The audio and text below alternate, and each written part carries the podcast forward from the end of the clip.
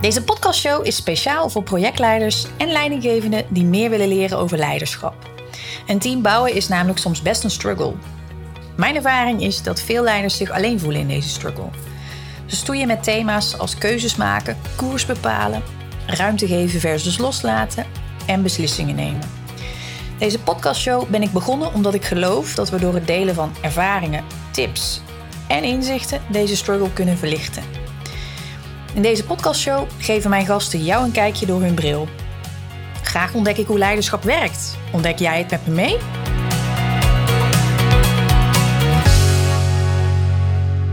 Welkom bij weer een nieuwe aflevering van de podcastshow Leiderschap door de bril van. Vandaag spreek ik met uh, Ashmita Krishna Sharma. Zij is expert op het gebied van diversiteit, inclusie en gelijkwaardigheid. Zij helpt organisaties, uh, teams en ook leidinggevenden om toe te werken naar uh, een meer inclusieve werkvloer. We hebben het vandaag over um, wat vraagt dit uh, thema van organisaties, van teams in de samenwerking, maar ook van leiders om inclusief leiderschap te tonen. Het is een mooi gesprek geworden. Ik hoop dat het je inspireert en ik wens je heel veel luisterplezier toe. Welkom uh, vandaag, uh, Ashmita. Wij uh, gaan in gesprek over diversiteit, inclusie en gelijkwaardigheid. Um, dat is een thema wat jou aan het hart gaat. En um, nou, we gaan kijken wat is er nodig in organisaties om daar meer ruimte voor te maken. En ook hoe kan je dat vanuit je rol als leidinggevende daar een bijdrage aan leveren. Voordat we de inhoud ingaan, zou jij jezelf willen voorstellen aan de luisteraars? Ja, natuurlijk uh, Annemiek. En dankjewel ook voor de uitnodiging. Ik vind het ook heel erg leuk om uh, hier met jou over van gedachten te gaan wisselen vandaag uh, in je podcast. En ja, mijn naam is dus Ashmita Krishna Sharma. Ik ben de eigenaresse en ook de oprichter van Sparkling Gems. Sparkling Gems is de organisatie die ik opgericht heb om uh, nou ja, eigenlijk te werken aan, maar ook het belang van diversiteit, inclusie en gelijkwaardigheid meer over de bühne te brengen. Binnen Sparkling Gems verzorgen we eigenlijk drie verschillende diensten. Aan de ene kant is dat het werken aan een inclusieve werkvloer bij organisaties. Denk bijvoorbeeld aan het opmaken van een plan van aanpak. Van hoe ga je dat dan doen? Uh, tweede instantie geven we ook workshops. En dan moet je denken aan inclusieve workshop format. Uh, waarbij je dus eigenlijk echt de kracht van diversiteit en inclusie inzet in je workshop, in je teaming. En de derde is spreken over inclusie en diversiteit. om ook anderen daarover te inspireren of aan het nadenken te zetten. Um, dat zijn eigenlijk de drie dingen ja, die ik binnen Sparkling Gems doe. En zoals je ook inderdaad al heel terecht net aangaf, ja, dit onderwerp ligt mij heel dicht aan het hart. Voor verschillende redenen. Uh, maar ik denk wel de belangrijkste redenen voor mij zijn om te werken aan een gelijkwaardige samenleving met, uh, met kansen voor iedereen. Ja, en kan je, wil je ook iets vertellen over waarom dat thema voor jou zo, um, jou zo raakt? Is dat iets vanuit persoonlijke ervaring of is dat, hoe, hoe zit dat? Ja, deels wel. Het heeft zeker een rol gespeeld ook. Ook bij, uh, bij het starten met Sparkling Gems. Eigenlijk, mijn verhaal gaat uh, terug uh, mijn verhaal geheet en Sparkling Gems gaat terug naar de pandemie. En nou, ik weet niet hoe dat voor jou was, maar toen de pandemie startte, zo ergens rond maart, april 20, 2020, toen hadden we natuurlijk in maart 2020 hadden we Black Lives Matters. En ehm, ik zelf weet nog dat ik op een dag gewoon echt op de bank zat en ik had echt zoiets van nou ja, de straten waren helemaal uitgestorven. Niemand wist uh, wat er echt zou gaan gebeuren. Uh, hoe ernstig uh, het nu eigenlijk was, de situatie waar we in zaten met corona en tijdens de pandemie. En ik weet nog wat ik toen mezelf dacht. Is dit het nou? Ik heb op verschillende organisaties gewerkt de afgelopen tien jaar. Grote organisaties, multinationals. Um, en ik heb daar ook mooie dingen in mogen doen. Maar ik had het idee dat mijn visie van die inclusieve samenleving, van die inclusieve werkvloer, dat ik daar nog niet voldoende echt in had kunnen betekenen voor een ander, voor organisaties of voor de samenleving. En toen dacht ik bij mezelf van, uh, ja, hier wil ik eigenlijk uh, wel verder mee aan de slag gaan. Hier wil ik verder wat aan doen. En natuurlijk spelen mijn eigen persoonlijke ervaringen daar ook een rol in. Uh, ja, dat kan ook gewoon niet anders. En zeker nadat ik ben begonnen te werken, echt actief te werken aan diversiteit, inclusie en gelijkwaardigheid, op een gegeven moment ga je ook gewoon meer dingen zien. Mhm. Je gaat ook gewoon meer dingen zien, herkennen, uh, erkennen. En um, soms kan het ook best wel confronterend zijn. Hè? Dus uh, je wordt ook geconfronteerd met je eigen unconscious bias, je onbewuste vooroordelen, uh, hoe je naar de wereld toekijkt. En uh, ja, ik merk soms wel een klein beetje beroepsdeformatie. Want het is natuurlijk een, vakgebied wat ja, op zoveel vlakken binnen het leven zich uit, dat je er haast de hele dag over kan nadenken en over kan spreken. Ja, dat kan me inderdaad voorstellen. En uh, en, wat is dan jouw droombeeld als je zegt van we hebben een diverse, inclusieve maatschappij of werkvloer? Of, of, heb je daar echt een beeld bij wat je, wat je nastreeft, hoe dat eruit zou zien volgens jou? Ja, voor mij, voor mij echt mijn droombeeld zou zijn een inclusieve samenleving.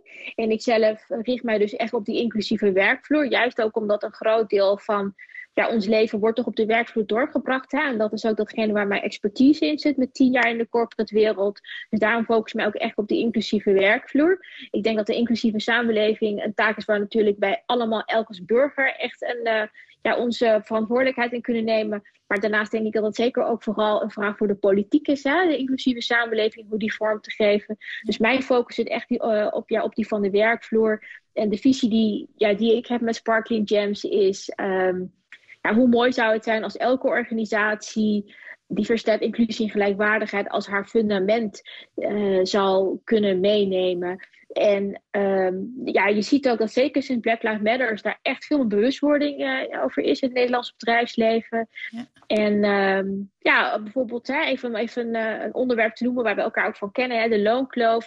Daar zijn nu bijvoorbeeld ook verschillende initiatiefwetsvoorstellen Zowel op Europees vlak als op, op uh, Nederlands vlak, dus individuele ja. lidstaat. Uh, en ook hier is het zo dat als dit wetsvoorstel aangenomen gaat worden, gaat dit gelden voor vanaf, ik dacht, 250 medewerkers. Nou, dat is nog steeds niet elke uh, organisatie. Maar dat betekent wel dat een groot deel van de organisaties ook echt actieve rekenschap moet geven op het moment dat er loonkloofverschillen tussen, en het gaat dan vooral in dit geval loonkloven tussen mannen en vrouwen bestaan. En ja, dit zijn wel stapjes waarvan ik denk, die zetten wel echt meer de weg naar een uh, verbindende samenleving. Een eerlijke samenleving. Ja, precies. Dus ik hoor je eigenlijk zeggen van eigenlijk zijn er een aantal niveaus. Hè. Je als individu kan je een bijdrage leveren in het bedrijfsleven, op de werkvloer, uh, vanuit je rol. Maar ook in de politiek moeten zaken geregeld worden. En op die drie vlakken moet, mag er beweging ontstaan. Uh, en je noemt inderdaad de wetvoorstellen van de loonkloof. Maar we hebben inderdaad ook het ingroeiquotum voor de nou ja, deelname van vrouwen in bestuursfuncties en de top van een aantal bedrijven. wat er is. Dus er zijn inderdaad maatregelen die stappen de, ja, die kant ingaan. Om meer diversiteit, uh, uh, of om de verschillen eigenlijk te verkleinen. Om die, uh, um, maar er is nog heel veel werk aan de winkel. ja, er is zeker heel veel werk aan de winkel. Er was een artikel van het NRC afgelopen week ook over inderdaad het ingroeiquotum. Uh, dus dat quotum is natuurlijk, hè, dit, begin dit jaar is dat echt ingevoerd, bindend ook voor um, eh, beursgenoteerde organisaties. En uh, het NRC heeft zelf een eigen onderzoek uitgevoerd naar volgens mij zo'n rond de 106 organisaties die dus eigenlijk aan dit quotum zouden moeten voldoen. En helaas bleek dat een vierde van deze organisaties dus nog steeds niet uh, eh, 30% van de raad van, raad van commissarissen heeft die bestaat uit vrouwen. Ja.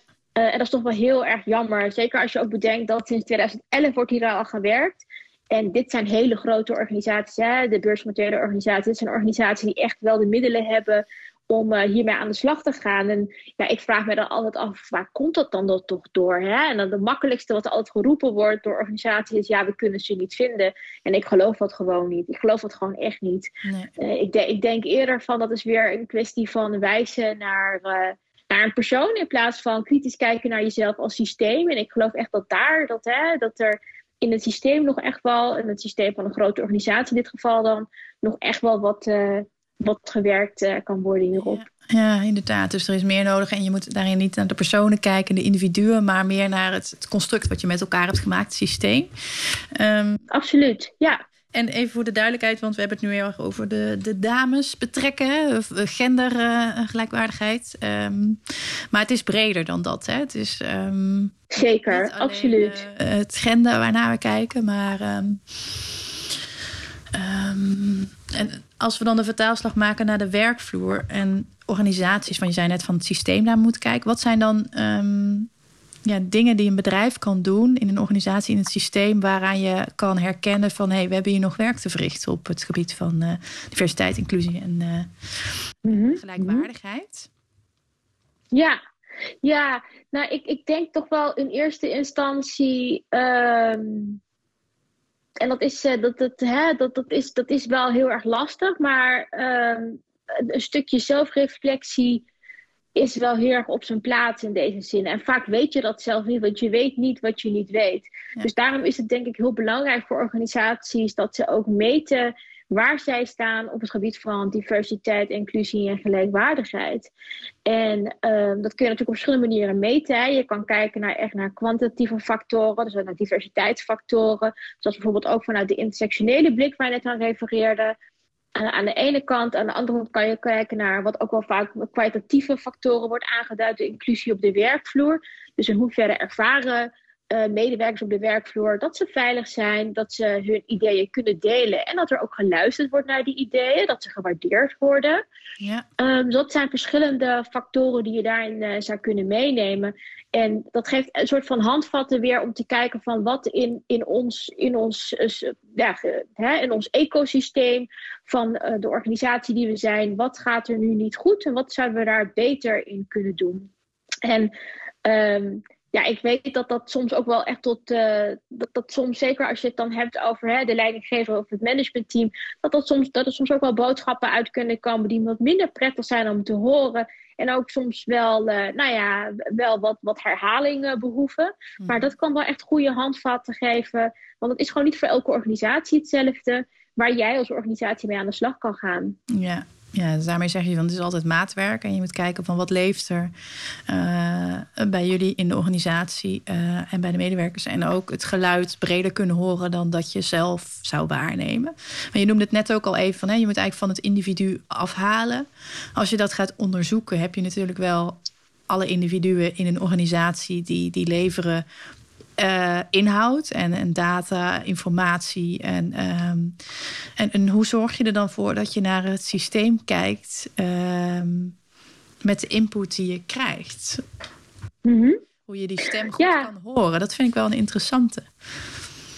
Ja, nou ja, ik heb zelf een, uh, ik heb zelf een eigen model waar ik mee werk. Dus niet heel spannend hoor. Maar dat is uh, een soort van uh, verkort verandermodel van drie fasen. De eerste fase van bewustzijn, bewustwording. Tweede fase van verankering. En de derde fase van innovatie. En eigenlijk, als je naar het systeem gaat kijken, ga je vooral naar die tweede fase van verankering kijken. Want dat betekent dus dat je, hè, dat je erkent van oké, um, wij hebben een bepaalde missie of een bepaalde visie op het gebied van diversiteit en inclusie voor onze organisatie. Uh, we weten ook dat we daar nog niet zijn en daar naartoe willen werken. Dus ga eens kritisch kijken naar je eigen interne processen. Ga eens kritisch kijken naar bijvoorbeeld um, de eigen systemen die je gebruikt. Um, ga eens voor de grap kijken. Wie zijn nou de mensen in jouw organisatie die doorgroeien? Kun je daar zo'n profielschets voor uh, opstellen? En waarom zijn het juist die mensen? En welke mensen zie je dan bijvoorbeeld niet doorgroeien? Dat zijn allemaal ja, interventies die je zou kunnen doen, die je meer inzichten daarin kunnen geven. En uh, nou, wat je bijvoorbeeld ziet, hè, naar aanleiding van uh, het uh, The Voice debakel en hetzelfde debakel, maar in een andere context bij Ajax, zie je dat ook heel veel organisaties zijn begonnen met gedragscodes opstellen. Mm -hmm. En natuurlijk is dat uiteraard allemaal heel erg goed. Net als bijvoorbeeld de aanstelling van een vertrouwenspersoon. Maar ook hier is het heel erg belangrijk om ervoor te zorgen dat één, uh, de dingen die je hebt en die je verzint, dat die ook daadwerkelijk uitgevoerd worden. Dus dat er iemand verantwoordelijk voor is. Het liefste één persoon of een afdeling, zodat er ook echt duidelijk is dat er iemand verantwoordelijk voor is en wie dat is. En dat zo'n persoon onafhankelijk kan opereren. Um, ik spreek soms zelfs ook wel eens met uh, vertrouwenspersonen. En uh, wat mij dan soms wel eens opvalt, is dat vertrouwenspersonen dan bijvoorbeeld rapporteren aan de HR-directeur. Uh, of in ieder geval niet helemaal onafhankelijk kunnen zijn. En dat zorgt er natuurlijk ook voor dat, uh, ja, als we dan kwesties spelen, dat um, ja, niet iedereen zich wellicht even um, veilig kan voelen mhm. om dat dan bij die vertrouwenspersoon te melden. Ja, je bent onderdeel van het systeem. Als je daarin zit, dan is het ook lastig om uh, bespreekbaar te maken van, uh, of te spreekbuis te zijn, of de messenger van hé, hey, het gaat hier, uh, we hebben hier werk te doen met elkaar. Um, En dan zeg je ook wel iets leuks met eigenaarschap. Want je zegt eigenlijk dus van het moet een thema zijn, een strategische pijler in de organisatie. Het moet super concreet zijn wat we daaronder verstaan met elkaar. En uh, om van daaruit analyse te maken van hé, hey, hoe gaat het nu bij ons? En zijn we wel echt zo uh, stappen aan het zetten die richting in? Uh, mm -hmm. En als je dan hebt over een onafhankelijke plek in het systeem, is die dan voor een in, per definitie voor een intern iemand te creëren? Of ben je altijd niet onafhankelijk. Hoe, hoe zie jij dat? Ja, dat is natuurlijk een hele interessante vraag. Hè? uh, het makkelijkste zou natuurlijk niet te zeggen zijn om inderdaad samen te werken met een externe, met een extern persoon. Maar nee, er zijn, er zijn zeker er zijn meerdere functies natuurlijk in een organisatie waar de onafhankelijkheid gewoon heel erg belangrijk is uh, daarin. En um, je moet er alleen wel de ruimte voor creëren. Dus het is heel belangrijk inderdaad dat zo'n persoon bijvoorbeeld dan um, hè, bijvoorbeeld um, nou ja, wat sommige organisaties doen, is dat zij kiezen voor een, uh, een instituut die dus een vertrouwenspersoon levert. Dus daar zou je bijvoorbeeld voor kiezen. Dan kun je dus ook echt waarborgen dat je een onafhankelijke vertrouwenspersoon hebt. Mm-hmm. Maar ook binnen de organisatie zelf komt het gewoon wel vaker voor dat er bepaalde functies zijn die vanwege compliance onafhankelijk moeten kunnen opereren. Waar dus ook allerlei processen en regels voor zijn opgesteld. Nou, zoiets zou je bijvoorbeeld dus ook voor uh, het vak van de diversiteitsconsultant of expert kunnen instellen, zodat zo'n persoon onafhankelijk kan opereren binnen de organisatie. Ja, helemaal waterdicht is dat natuurlijk nooit, dus dat, dat, dat blijf je eigenlijk altijd wel houden. Maar misschien hoeft dat ook niet. En gaat het ook gewoon om een bewustzijn dat zo'n persoon onafhankelijk kan opereren. En wat voor gedrag vraagt dat van jou als leidinggevende? En wat vraag je dus eigenlijk ook weer uh, aan de andere kant van degene die jou daarmee helpt op het gebied van diversiteit en inclusie? Ja, precies, want het, is, het, het, doet mij ook denken, want ik, ik moet ook denken aan het Johari-venster. Ken je dat?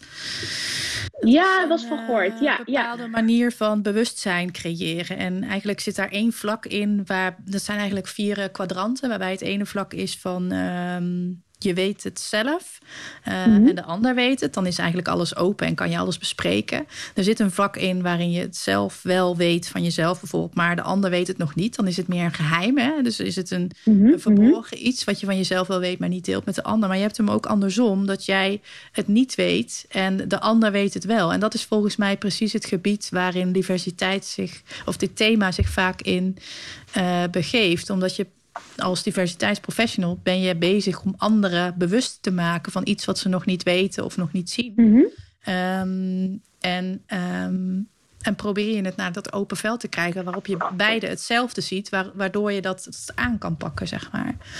Uh, ja. ja, nee, heel mooi gezegd hoor. Nee, uh, ik denk zeker inderdaad dat. Dat dat een grote rol daarin kan spelen. Hè? Zeker als je kijkt naar de, rol van de leidinggever of uh, het managementteam. Uh, zit gewoon, hoe je het went of verkeerd, uh, ook al zou je misschien nog heel graag uh, onderdeel willen zijn van de werkvloer. Maar er is gewoon vaak toch wel iets van een afstand. Al was het alleen maar omdat je op een ander niveau werkt en waarschijnlijk met andere collega's samenwerkt.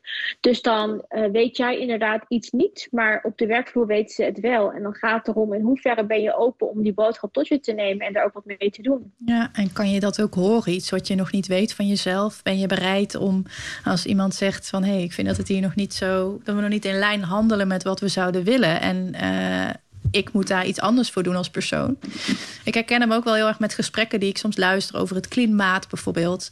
Er zijn mensen die, die zijn daar al veel verder in bezig met dat thema dan ik daarmee bezig ben op dit moment. En die zeggen soms mm -hmm. dingen dat ik denk, ik snap het niet of ik volg het niet en ik, ik kan het nog niet vatten, zeg maar. En uh, dan merk ik bij mezelf dat daar een soort weerstand op komt van, nou, wat stel gekkies. Die, uh, dat, je, dat, dat was mijn primaire reactie. En ik denk dat die bij eigenlijk gewoon dat dat menselijk is.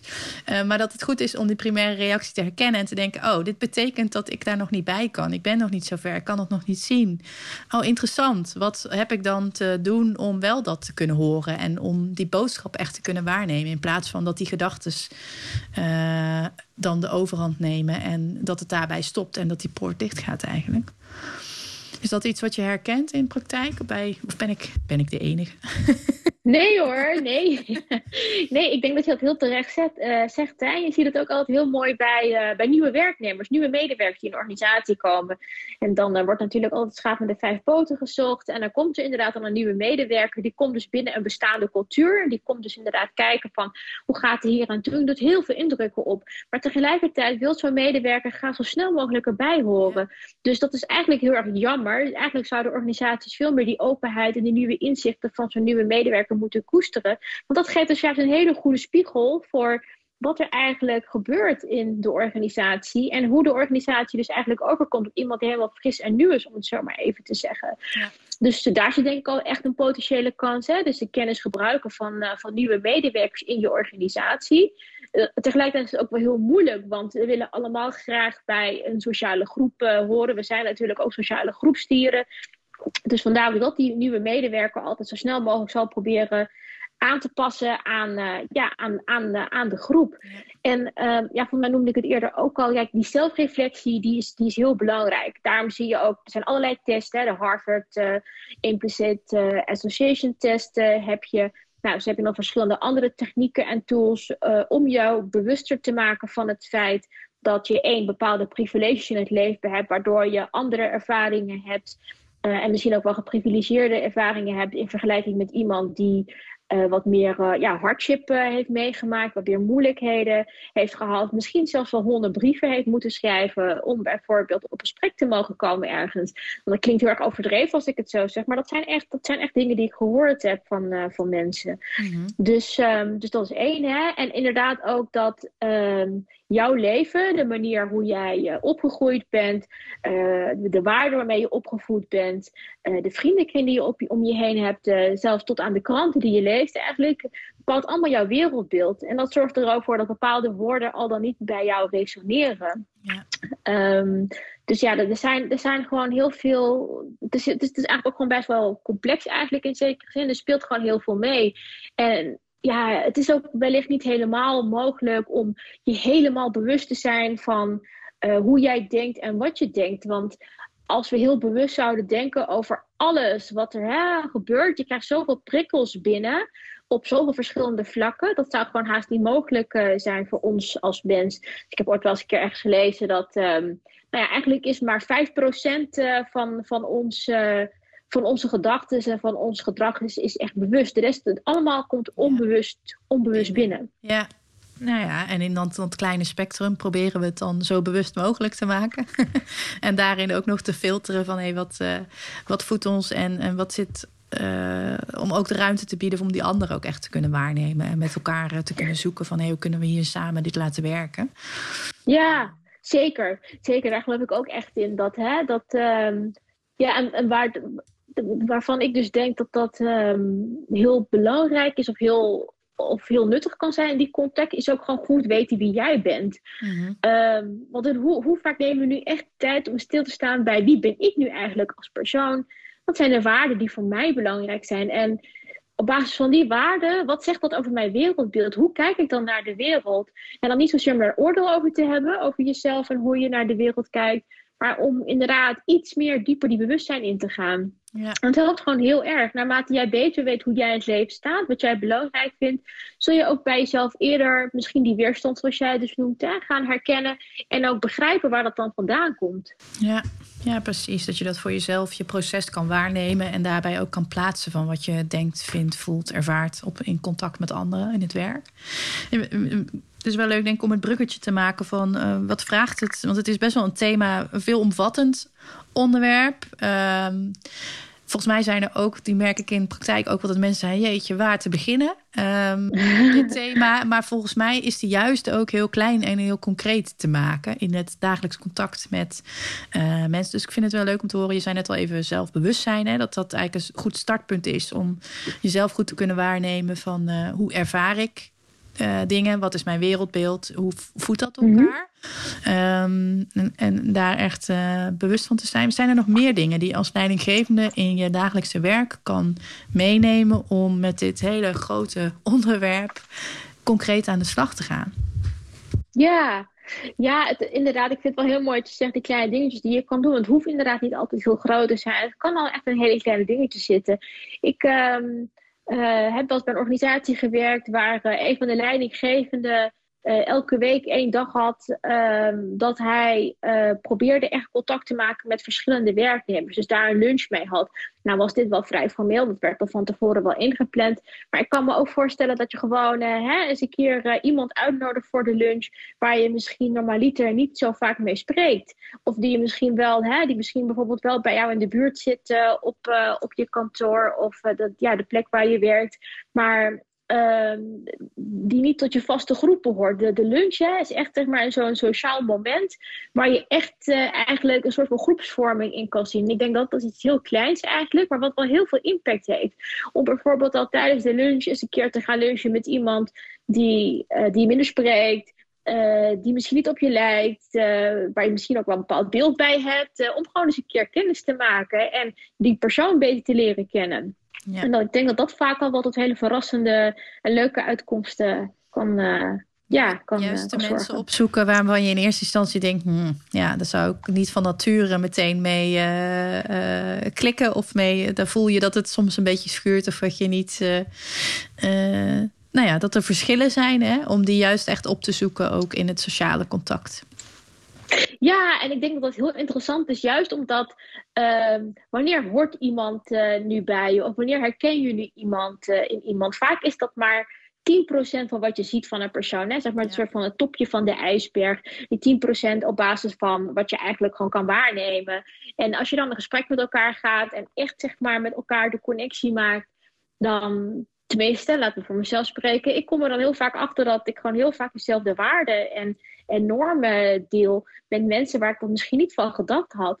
En soms kan het ook tot hele leuke en vernieuwende vriendschappen leiden. Dus dat is ook juist gewoon interessant om, ook al voelt het misschien ongemakkelijker, om juist eens een keer daarmee te experimenteren. Van, goh, zou ik eens een keer inderdaad, uh, in plaats van hetzelfde groepje waar ik altijd uh, mijn lunch mee, uh, mee nuttig, om eens een keer met iemand anders een keer te gaan lunchen.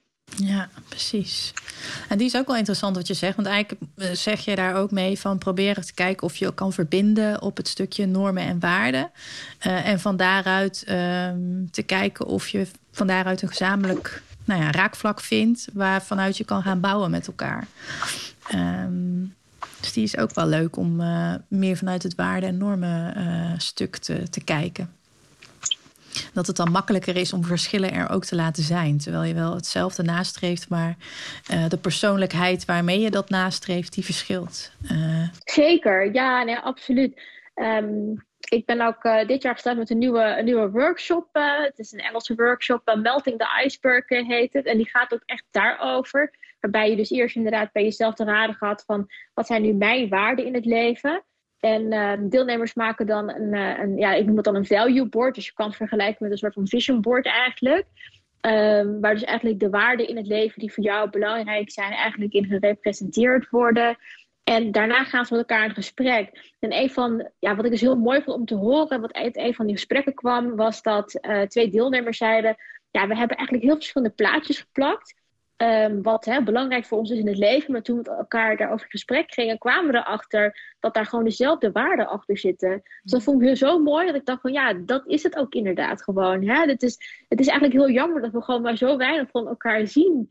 En um, ja, daardoor is eigenlijk ook gewoon heel veel kansen voor jezelf mislopen. Ja, aan, uh, aan verrijking, aan nieuwe inzichten, nieuwe vriendschappen, verbinding. Ja, ja mooi.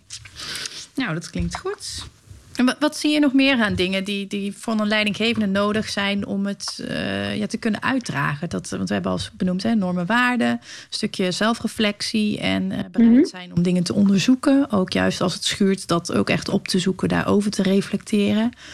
Uh, ja, ja. Nog meer dingen die je als leidinggevende in je team kan doen of nodig hebt om ehm, met het onderwerp ja. thema aan de slag te gaan. Ja, het, het, hangt een beetje af van, het, um, van de fase van het diversiteitsreis waar een organisatie in zit. Maar wat ik ook wel vaak hoor, en dit geldt, wat ik nu zeg, geldt eigenlijk vooral bij organisaties waar al een tijdje gewerkt wordt aan diversiteit en inclusie, is dat um, sommige mensen um, krijgen het gevoel dat het een, dat het een beetje religieuze uh, ja, dimensies begint aan te nemen. Dus hè, diversiteit is per definitie goed. we moeten dat altijd nastreven. Dus daarom denk ik ook dat het heel belangrijk is om die waarom-vraag goed helder te hebben voor je team. Van waarom wil jij werken aan diversiteit en inclusie? Ehm, hè? En dat, dat, kan, dat kan heel economisch-financieel zijn, als uh, in een nieuwe afzetgroep of ehm, een connectie maken met, met je klant, tot zeg maar maatschappelijke redenen, als een representatie zijn van, hè, van de samenleving, of gewoon ja, überhaupt iedereen een kans willen geven van ideologische overwegingen. Dus ik denk dat die waarom-vraag heel belangrijk is. En daarnaast denk ik ook dat het inderdaad dus ook wel de kunst is om ervoor te zorgen dat, ehm, ja, dat je ook wel met elkaar het gesprek erover kan aangaan. En daarmee bedoel ik dus dat um, heel veel organisaties uh, willen gaan werken aan diversiteit en inclusie. En beginnen dan vaak met een training. Terwijl ik denk bij mezelf van een training zou ik niet het logischerwijs het eerste startpunt vinden. Sterker nog, beginnen met een training kan ook Um, kan ook averechts werken, want het gaat ervan uit dat het inderdaad hè, een soort van kennis is die je bijgebracht moet worden waar je naartoe moet werken. Terwijl heel veel mensen zijn daar nog niet. Die zijn nog echt bezig met de vraag, want die vraag van hè, die, wat betekent diversiteit en inclusie voor mij? Uh, wat zijn mijn eigen privileges in het leven? Wat betekent dat voor mij? Die is ook heel persoonlijk van aard. En dat betekent dus ook dat je ook gewoon heel veel uh, ja, micro-diversiteitsreizen eigenlijk in je organisatie hebt. Dus in die zin denk ik ook dat het interessant is voor leidinggevenden om juist uh, in gesprek te gaan daarover. En noem het dan misschien geen diversiteit, maar noem het bijvoorbeeld um, um, samenwerken met elkaar op de werkvloer. Want diversiteit, hè, zoals ik ook al eerder zei, het is, het is natuurlijk een uh, bepaald begrip ook dat voor iedereen een andere betekenis kan hebben. Ja. Dus het is ook goed om met elkaar daar het gesprek over aan te gaan. Wat betekent voor ons uh, op organisatieniveau? Wat betekent voor ons op teamniveau? Wat betekent voor jou op individueel niveau? En, en, en, en hè, wat vind je daar belangrijk in? En hoe kan ik jou daarbij ondersteunen, helpen? Hoe kunnen we daar samen in groeien? Ja, ja, dus eigenlijk zeg je van het stukje uh, we moeten betekenis geven aan het waarom vinden we dit belangrijk als thema, als organisatie, waarom als, als team en hoe zit je er als persoon in. En uh, daarbij ook goed bewust zijn van waar zit iemand op dat bewustwordingsvlak uh, rondom dit thema, zodat je ook kan weten waar je bij kan aansluiten en welke stappen je al kan zetten. Ehm, omdat anders die stretch gewoon te groot is en totaal niet aankomt. Of juist dat mensen daar al verder in zijn en, en dat je al wat, ja, wat concreter stappen kan zetten daarin. Het is goed om je startpunt scherp te hebben. En ook je ja. punt waar je naartoe werkt, waarom je het doet, zodat je vorm kan geven aan de route eigenlijk met elkaar. Ja, ja. precies. En ehm, ja, ik moest ook even denken aan uh, iets wat ik uh, laatst uh, hoorde weer van, van iemand in mijn eigen netwerk. we hebben natuurlijk ook heel veel gehad over safe spaces mhm. de afgelopen jaren. Hè, van creëren van veilige omgevingen, ook bijvoorbeeld op de werkvloer. En uh, laatst hoorde ik ook weer iets heel moois. Dat was dan Brave Spaces. En dat is dan juist de ruimte waar je juist inderdaad met elkaar de dialoog aangaat. En waar je natuurlijk wel binnen de grens van goed fatsoen uh, alles met elkaar kan delen. Wat je precies denkt. Uh, om juist weer misschien ook uh, weer die, die krampachtigheid die er soms nou ja, om, om, om deze onderwerpen kan liggen, om dat juist weer wat los te laten. Om wel vrijelijk met elkaar erover te hebben. Ja, het heeft ook heel erg te maken, denk ik, met een stukje normering. Wat je net ook al even aanstipte van goed-fout. Daarmee zet je het geheel heel erg vast. En, en um, als je er ook echt zo'n goed-fout aan gaat koppelen van we zijn goed als we ja, dat is natuurlijk met zo'n quotum dan ehm, wel een concrete richtlijn. Maar eigenlijk moet je met elkaar bepalen wat uh, werkt. En dat kan nu mhm. anders zijn dan over uh, een jaar. Omdat je dan weer zelf bent gegroeid op, uh, daarin. En misschien andere denken, dingen hebt, zaken, hoe het anders tegenaan kijkt. Het is een ongoing iets. Um, en daarmee wordt het heel spannend natuurlijk als je het vastzet. En ja, dat je daarin ook dat goed fout, dat moet je juist los proberen te laten. En het laten meebewegen met wat, uh, uh, hoe het team ook groeit. Ja, dat is moeilijk hoor. Dat snap ik ook heel goed. Hè. Ik heb dat zelf ook. Uh, ik struggle daar ook wel eens mee. En ja, goed, ik ben natuurlijk hè, echt een, een champion voor diversiteit, inclusie en gelijkwaardigheid. Ik geloof daar heel erg in. Maar ik weet ook dat er mensen zijn die er anders over denken. En ook daar probeer ik gewoon wel naar te luisteren om ook niet in mijn eigen bubbel te veel verzaakt te, te, te raken, zodat ik alleen maar hetzelfde hoor. Het is juist heel goed om ook te luisteren naar verschillende opinies, verschillende meningen. Zodat je ook jezelf daar continu in blijft evalueren. Om ook wel kritisch te blijven naar datgene waar je zelf in gelooft. Ja, dat lijkt me nog wel een uitdaging als je zelf al wat verder bent uh, en wat dieper daarin zit. Om dan ook nog wel aansluiting te vinden bij mensen die nog wat meer op het bewustwordingsvlak staan. Die echt, zeg maar, nog net de eerste. Uh, Oké, is dit een thema wat leeft? Uh, moet ik daar wat mee? die op dat vlak zitten. Um, dat vraagt denk ik wel ook wat van jou als diversiteitsprofessional. Of hoe, hoe zie je dat zelf?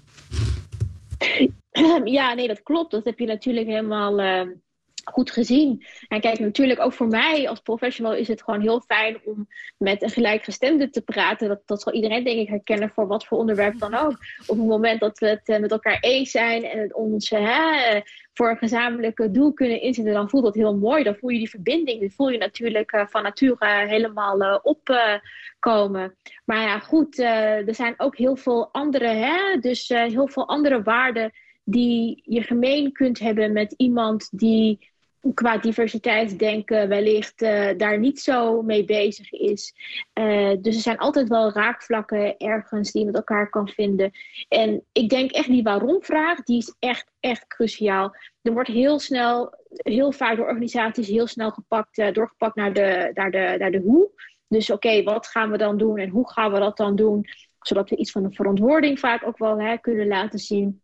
Maar echt die waarom-vraag, daar zou ik echt goed stil bij gaan staan. Want ja, als je dat gewoon goed uit, uh, uitdenkt uh, en uiteenzet met elkaar, op wat voor manier dan ook, dan geeft dat juist zoveel goede handvatten. Um, ja, en het verlengde daarvan geloof ik dus ook wel echt in een datagedreven aanpak. Um, daar zijn verschillende opinies over. Sommige mensen zeggen van ja, data, daar moet je juist niet te veel mee bezighouden. Want het gaat om de personen. En daar ben ik het ook absoluut mee eens. Maar ik denk wel dat de managementteams die zitten in het Nederlands bedrijfsleven, dat zijn vooral, hè, als we ook zeg maar de connectie willen maken, is het ook belangrijk om te kijken wat is de taal die zij spreken, wat is de mhm. taal die een leidinggevende spreekt. En dat is toch wel vaak de taal van data, de, de taal van KPI's. En daarmee kun je wel heel helder maken van waar sta je nu, ja. Waar wil je heen en wat moet je dan gaan doen om daar te gaan komen? En kan je dan eens een voorbeeld noemen van uh, een data of een KPI die je uh, wel eens bent tegengekomen, die, waarmee je dit super concreet kan maken? Nou ja, de, de, twee simpelste, denk ik, uh, in dit kader, die ook voor de meeste organisaties wel haalbaar zijn, is bijvoorbeeld uh, de man-vrouw verdeling uh, in een organisatie. Um, dan wel hè, andere genders, op het moment dat een organisatie dat ook inderdaad bijhoudt. en leeftijd, dat zijn denk ik twee indicatoren van HR Analytics, nou ja, waar je als organisatie vaak wel een goed beeld bij hebt. En uh, ja, er zijn verschillende organisaties die daar bijvoorbeeld een bepaald streven hebben. Hè. Bijvoorbeeld in de IT-wereld, de IT-sector, zie je dat, uh, nou ja, dat er gewoon uh, best wel een in balans is als het aankomt op gender. En als je bijvoorbeeld kijkt naar sommige organisaties in de publieke sector, zie je dat daar vooral ook een inbalans is als het aankomt op leeftijd. Mhm. En uh, ja, als je, als je dat weet, dan kun je daar ook concreet mee aan de slag gaan. En daarbij zeg ik altijd: begin niet zomaar maar wat te doen. Maar ga in gesprek juist met de mensen die je graag zou willen aantrekken. Van, hè, van wat hebben zij nodig? Wat zouden ze graag willen? Wat zijn redenen om al dan niet bij jouw organisatie te komen werken?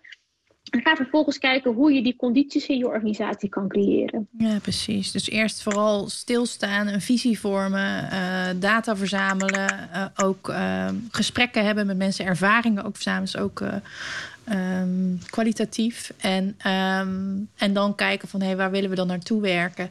En hoe gaan we dat vormgeven met elkaar? Dus dat is eigenlijk de stappen die je kan zetten. En dat kan je voor de organisatie doen, maar ook in het klein voor, voor je team en de samenwerking daarin. Maar het misschien wel makkelijker is, omdat je wat, uh, wat kleiner bent, een wat kleinere schaal. Ja, zeker. Omdat het wat kleiner is, wat makkelijker schaalt. Maar ook, uh, denk ik, uh, omdat je elkaar ook heel erg kan inspireren met je team. Op het moment dat jij inderdaad hè, ergens geleerd van uh, heb of, uh, iets, uh, of iets met elkaar weten neer te zetten. En dat hoeft niet eens allemaal een succesverhaal te zijn.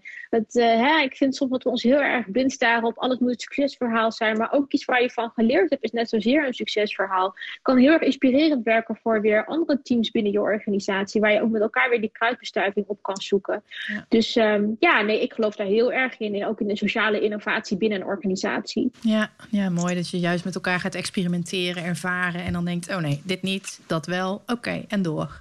Het mag er allemaal zijn. En uh, ja, het is ook allemaal nodig om vooruit te komen, zeg maar. Daar horen ook de minder succesvolle ervaringen bij. Of de pijnlijke Zeker. van geleerd ja. Of, ja, de brave stories, ja. Precies, nou mooi. Nou, klinkt goed. Ik ehm, heb nog één vraag van, want het vraagt ook wat ehm, van je eigen authenticiteit als leider. We hebben het net al eventjes gehad over je waarden waar je voor staat. En mhm. eh, dat je daar van daaruit eigenlijk uh, kan werken. Ja, dat dat drijvend is om hier aan te werken aan dit thema.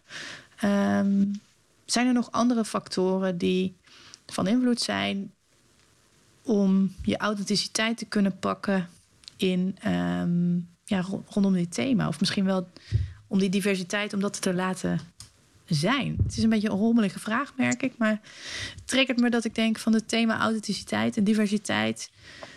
Het kan elkaar bijten, denk ik, maar ook, het is ook nodig. Uh, is ja. het hetzelfde? hoe, hoe zie jij dat? Nou, het, is wel een interessante vraag. Er was laatst een, uh, ik ben even niet meer zo uh, top of mind, maar het was laatst een, een, onderzoek gedaan door Harvard Business Review ook over de relatie tussen uh, diversiteit en team performance. En wat zij eigenlijk lieten zien is, en dat vond ik wel een heel interessant plaatje, is dat naarmate uh, een team diverser was, het niet per se zo is dat dat team ook meer succesvol is. En dat is dus eigenlijk mm. tegenovergesteld, hè, wat we eigenlijk altijd zeggen, diverse teams zorgen voor meer innovatie en daarmee betere performance. Maar de relatie die er wel was, wanneer een divers team wel leidde tot een betere teamperformance, was het stukje uh, psychologische veiligheid.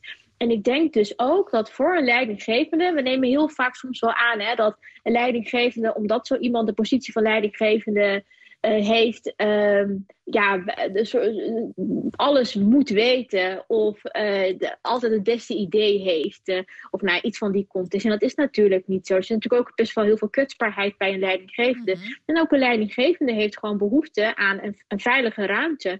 Uh, aan, hè, en gewoon uh, die psychologische veiligheid die voor elke medewerker belangrijk is. Dus ik denk dat in die zin dezelfde condities die voor medewerkers gelden, ook gewoon heel vaak voor leidinggevenden gelden. En dat uh, ook het voor hun heel, ja, heel, heel fijn zou zijn als zij ook de ruimte voelen om een stukje kwetsbaarheid te laten zien. Om te laten zien van we zijn allemaal maar mensen en hè, ik, doe mijn hart, ik, doe, ik doe mijn best. Ehm, uh, maar ook ik weet alles niet. Nee. En uh, het, is, het, is, het is ook voor, voor, voor mij als leidinggevende echt een reis om hier meer over te leren. En uh, dus echt dat, hè, dat stukje psychologische veiligheid, dat is ook een beetje ja. een buzzword van hoe creëer je dat dan en wat is dat dan precies? Hoe zorg je ervoor dat mensen zich veilig voelen op de, op de werkvloer? Um, ja, daar zit, wel, daar zit wel echt iets in maar ik zelf ook wel denk van ja, dat is wel heel erg interessant. En ik denk dat dat ook heel erg kan helpen verder in uh, de reis van de organisatie naar meer inclusie. Ja, dat vraagt ook om dat stukje hè, waarin de grensoverschrijdende, zeg maar, met je hebt natuurlijk een andere rol en functie. Uh, en daarin zit dan ook een, een machtspositie in. Um, dat je je daar bewust van bent, maar binnen die kaders wel. Uh, ruimte voelt om je ook kwetsbaar op te stellen. En om dat ook ja, raakbaar te zijn voor wat andere mensen voor ideeën aanbrengen. Of van jou vinden. Of van het gedrag vinden wat jullie met elkaar vertonen. Uh, dat die ruimte er wel mag zijn, zeg maar. Op een respectvolle manier natuurlijk. Uh, ja, interessant. Ja. Je zet me aan het denken. Oh, nou, dat is mooi om te horen. Ja, precies. Ik ga nog eens even duiken in dat stuk authenticiteit en, en diversiteit. Van hoe kan dat elkaar versterken ook? En uh, um, dat is wel weer een mooie om daarin nog even over. Uh, die neem ik nog mee na dit gesprek om nog even op door uh, te filosoferen. Is er nog iets wat we nog niet besproken hebben, maar waarvan jij denkt: oeh, dat wil ik nog wel graag meegeven aan de luisteraars om te kijken rondom? Um, ja, nee, niet echt specifiek eigenlijk. Ja, ik ben, uh, hè, ik ben eigenlijk ook wel heel erg uh, nieuwsgierig. Ik spreek natuurlijk zelf ook uh, vanuit mijn hoedanigheid als consultant of expert met leidinggevende. Maar ik ben ook wel heel erg benieuwd naar, de luisteraar die dus luistert naar deze podcast. En, en hoe het overkomt op bepaalde zaken bekend klinken. Of wat er misschien juist ook wel. Hè, ik denk dat het heel mooi is door het vehikel van een podcast of voor bepaalde uh, praktijken zijn of best practices die wij niet besproken hebben, maar die bijvoorbeeld iemand wel kent, die ook wel heel mooi zouden zijn om te leren. Ja, ja, leuk. Dus deel vooral de ervaringen als je denkt: hé, hey, ik heb nog wat toe te voegen of ik uh, wil mijn perspectief graag delen. Dan, Zeker, uh, ja. En hoe kunnen mensen met uh, jou in contact komen als ze denken: hé, hey, ik heb een voorbeeld wat ik wil delen? Hoe ben jij te bereiken? ja, dat mag natuurlijk ook met mij. En nou ja, ik ben op LinkedIn ben ik te, te vinden als Ashmita Krishna Sharma. Ik vind het altijd heel erg leuk als je met me linkt. Ik deel daar ook regelmatig tips en inspiratie over diversiteit, inclusie, gelijkwaardigheid.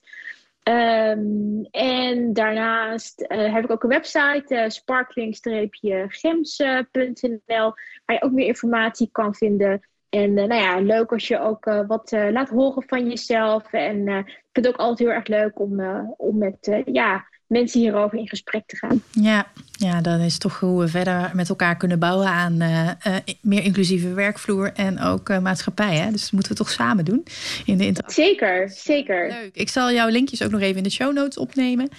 En dan hartstikke bedankt voor je tijd en voor je waardevolle toevoeging. En ja, jij bedankt. tot de volgende keer. Ja, dankjewel Annemiek.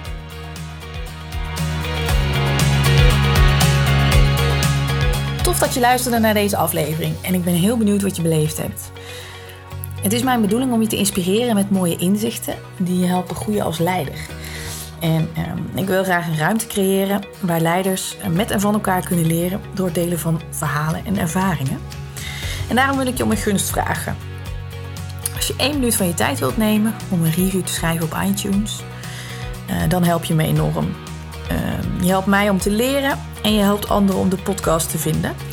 Want hoe meer reviews, hoe zichtbaarder de podcast wordt.